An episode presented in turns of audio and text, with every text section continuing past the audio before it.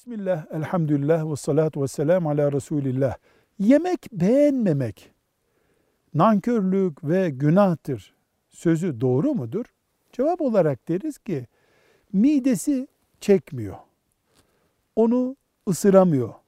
Veya bu yemeğe alışmamış, yiyemiyor diye ben bunu yemiyorum demek bir günah, haram çeşidi değildir. Ama Allahu Teala'nın yarattığı şeyi hor görmek, nankörlük etmek elbette Allah'ın nimetine karşı nankörlüktür, günahtır. Veya bir Müslüman bir lokantaya gitmiştir.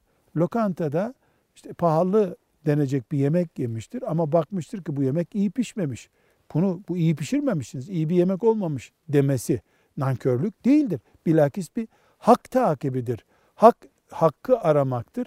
Demek ki yemek beğenmemek e, yeri olur nankörlük olur, yeri olur güzel bir vazife bile olur.